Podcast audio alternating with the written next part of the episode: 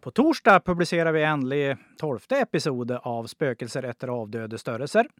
Här får vi bland annat veta svaret på ett spörsmål från elfte episoden, nämligen om M. Karlsson spiser myris.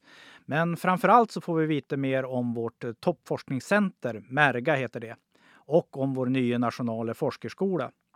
Och det är jag, Niklas Larsson, som har en semistrukturerat samtal med ledaren för Merga. Och vem det är som är ledare där, det får ni veta mer om om ni hörer på den tolfte episoden av Spökelser efter AD det större när den blir publicerad på torsdag.